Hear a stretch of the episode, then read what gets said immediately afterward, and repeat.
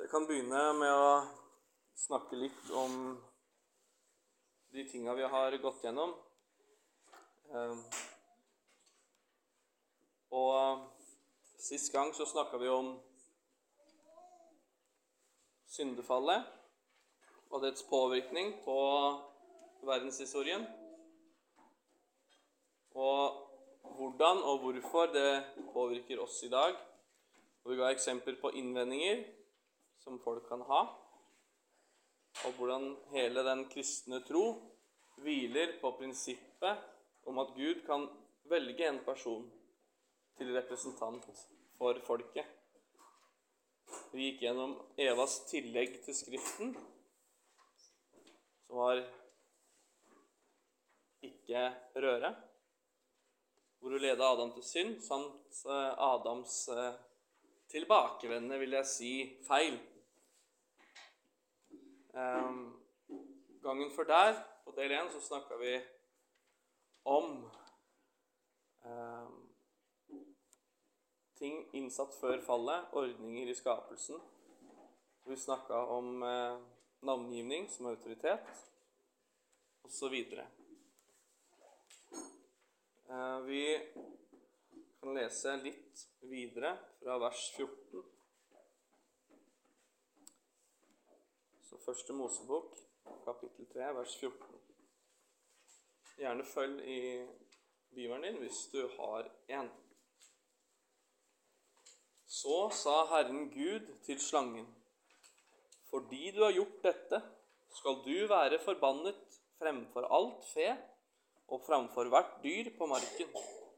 På buken skal du krype, og støv skal du ete alle ditt livs dager. Jeg setter fiendskap mellom deg og kvinnen, og mellom ditt ett og hennes ett. Han skal knuse ditt hode, og du skal knuse hans hæl. Her bruker vi På norsk så bruker vi ordet 'knuse'. På engelsk bruker de 'bruce' eller 'bruised'. Um, vi skjønner implikasjonen av ordet, selv om styrken på norsk og engelsk kanskje varierer. Men vi ser her Først så ser vi konsekvenser. Vi ser at Gud først adresserer slangen fremfor alt fe på dyr og marken. Og i vers 15 så er vi det som kalles protoevangeliet. Det er vårt første løfte om seieren på korset. Han skal knuse ditt hode, og du skal knuse hans hæl. Hæl. Tradisjonelt sett riktig forstått som å peke frem mot seieren over slangen gjennom fremtidens avkom fra en kvinne. Og som alle forstår, så er det åpenbart verre å knuse huet enn å knuse hælen sin. Av denne her grunnen så kalles det her protoevangeliet. Proto betyr rett og slett det den første. Første evangeliet får vi her. Helt inntil sammen med fallet.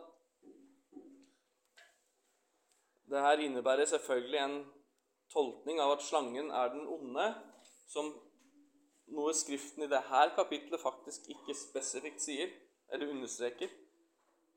Men det er ikke veldig vanskelig å forstå, gitt eh, slangens evner som å kommunisere, friste osv. Eh, Johannes identifiserer slangen i eh, første Mosebok som, som djevelen. Åpenbaringen 12, vers 9. Vi fortsetter litt med vers 16. Til kvinnen sa han, Jeg skal gjøre ditt strev meget stort i ditt svangerskap. Med smerte skal du føde. Din lyst skal stå til din mann, men han skal råde over deg.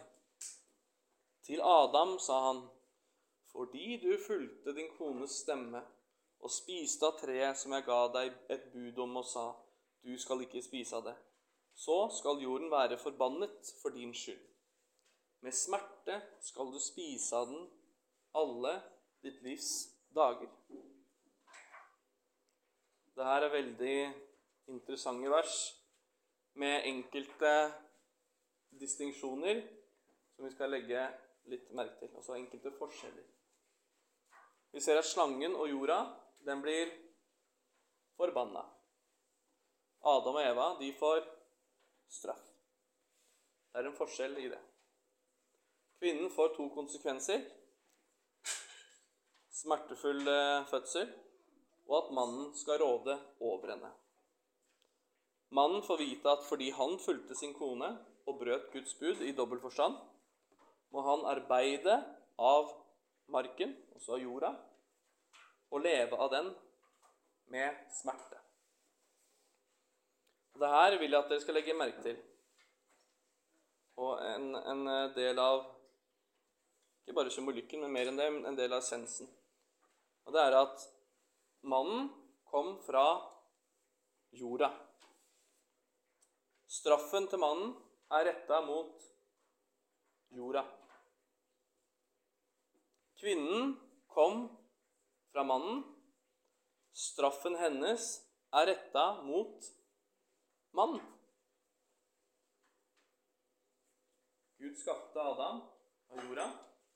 Straffen til Adam er relatert til jorda. Gud skapte Eva fra Adam. Straffen til Eva ligger til Adam.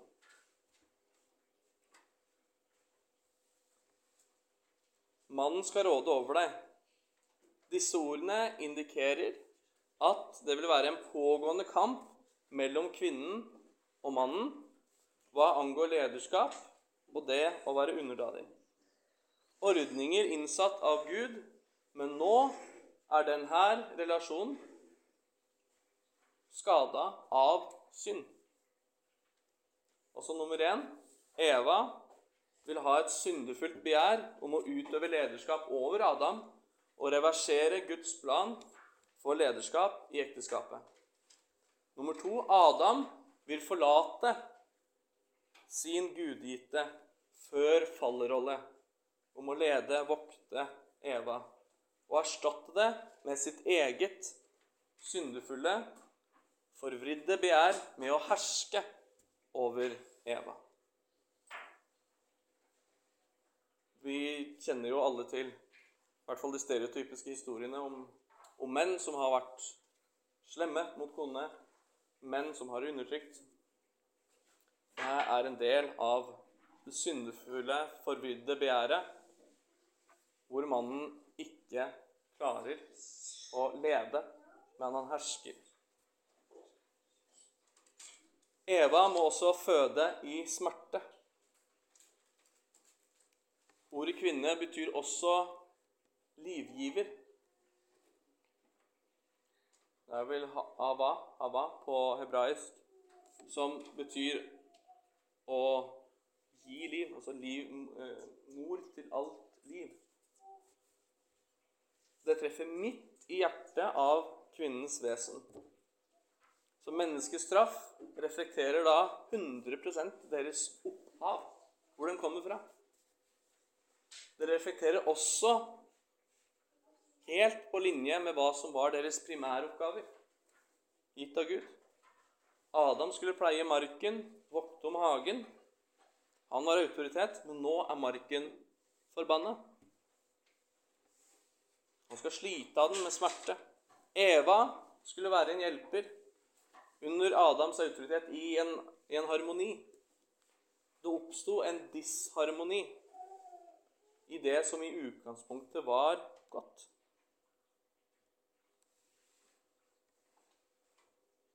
Og det er essensielt at vi er innforstått med hva skapelsesorden egentlig er. Eh, Paulus refererer til skapelsesorden sjøl i 1. Korinter 11, vers 8 og 9. Og når han refererer tilbake igjen til skapelsesorden, så er det skapelsen og ikke post, altså etter syndefallet, han refererer til. Eh, mange som argumenterer liksom imot de her ordningene, de strekker seg tilbake igjen til syndefallet. Altså, ja, men det oppsto etter syndefallet. Det er en del av synden, sier de. Men det de gjør, er at de lager en, det som kalles stråmannsargument. fordi de, de, tar, de går ikke tilbake til selve skapelsen. De går ikke tilbake igjen til der disiplene går og henviser til, til skapelsen. De går der det er trivielt for de å gå. De går tilbake igjen til etter fallet. Og Der må vi skjelne. Nå må vi se og ikke la premissene forandres. Vi behøver ikke alltid å være enig med Skriften. Men Skriften er sann, og Skriften er rett. Vi har ikke alltid rett, og vi er ikke alltid sannferdige. Men vi må overgi oss til å stole på Guds ord, det han har sagt, og gjøre vårt beste og ytterste for å forstå det han har sagt.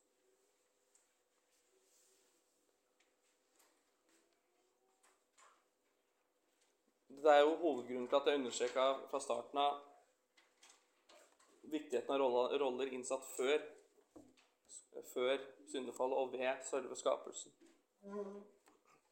Jeg vil forresten nevne, mens vi er innom eh, det nytestamentlige mønsteret for ekteskap, som bygger på gjenopprettelsen av ekteskapet. Du tenker på fallet og Adams syndfulle begjær med å herske, Evas trang til å motsi eller stå i opposisjon. Så har du et bibelvers som snakker på eh, redemption av ekteskapet. Det fins ikke noe godt ord på norsk, syns jeg. Eh, du er ikke norsklærer? Nei. Eh, noe, jeg syns ikke det er noe godt ord på norsk for redemption. En måte å si det på kan være gjenopprettelse. Men fantastisk ekteskapsteologi i Efeserne 5, vers 22 32. Snakker om den gjenopprettelsen, om åssen ekteskapet skal leve ut.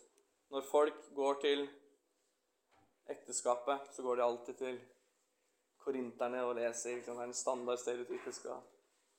Om du ikke har kjærlighet, så er det veldig sant. Men jeg anbefaler dere Efeserne. Efeserne 5, 22-32. Og som, som, Eva, eller som, Ad, som mann, som Adam, så må jeg hele tida skjelne mellom det at jeg ikke skal herske, men jeg må lede. Jeg må være ydmyk og underkaste meg Guds sannhet. Jeg prøver å lede etter Hans sannhet og ikke min egen. Fornekte meg sjøl. Og som Eva så tror jeg alle kjenner på, eller har kjent på Nei, kjenner på trangen til å motsi når vi er under en form for autoritet. Altså det, er, det er rart åssen Gud kommanderer fjell, blomster, fjell, stjerner, planeter, galakser, og bom, de avlyder han med en gang.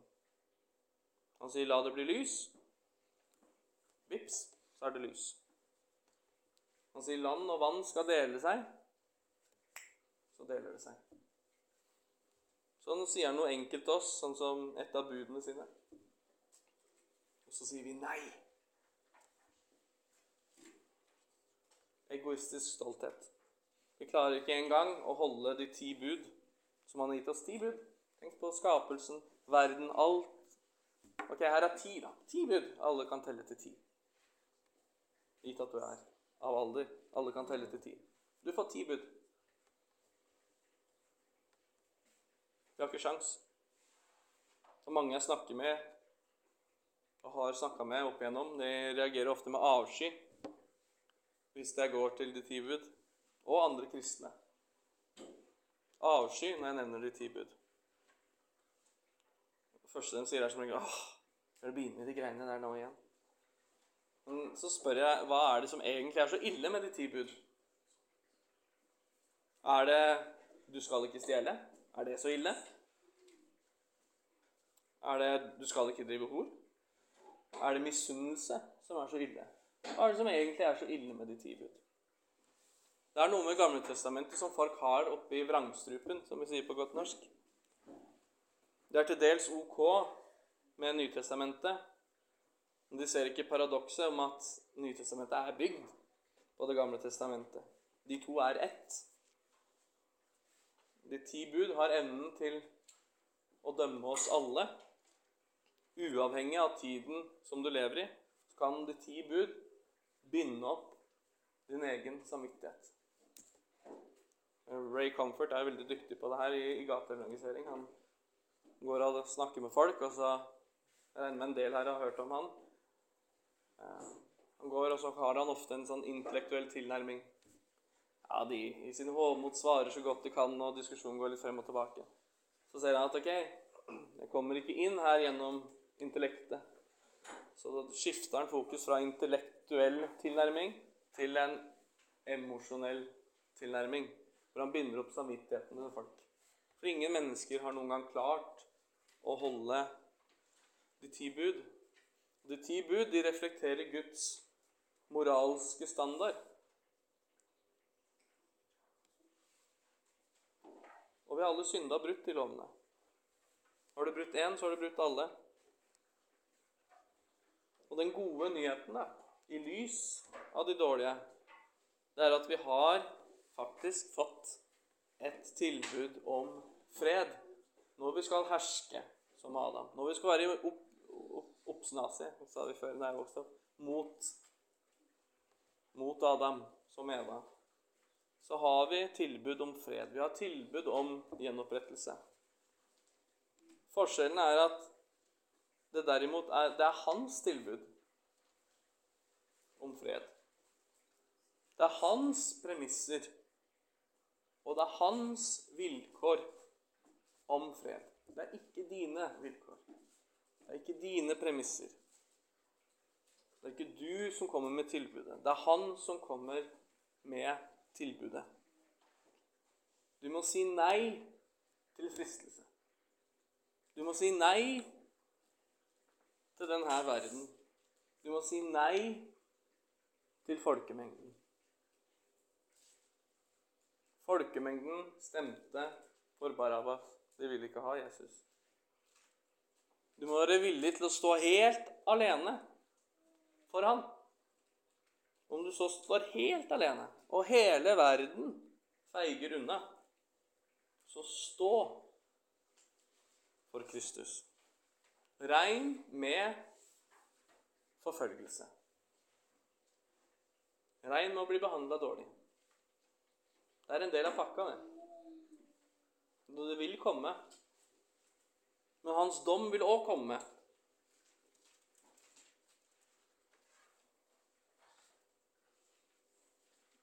Det vil komme dom like sikkert som det kommer forfølgelse. En sann kristen vil alltid merke forfølgelse i en eller annen form. Og den tiden vi lever i i dag, så er det så milde forfølgelser sammenligna med fortiden. Fortiden, da var det hardt. Da var det tøft. Da var det virkelig vanskelig å bli forfulgt. I dag så kan du bli kansellert fra sosiale medier fra grupperinger. Du kan bli uglesett. Kanskje til og med baksnakka. Det er ikke så ille. Ikke i forhold til det de før oss har gått. Folk døde for at, bare for at vi skulle få Bibelen på norsk. Så et tilbud om nåde. Han må være først i alle ting og i alle ting. Du må ta opp ditt daglige kors og du må kjempe de her kampene hver eneste dag. Ta på deg frelsens rustning, feserne. Det her, det er sann overgivelse til Kristus. Når du med hele deg, alt du er, alt du har, stoler og hviler i ham på det han har gjort.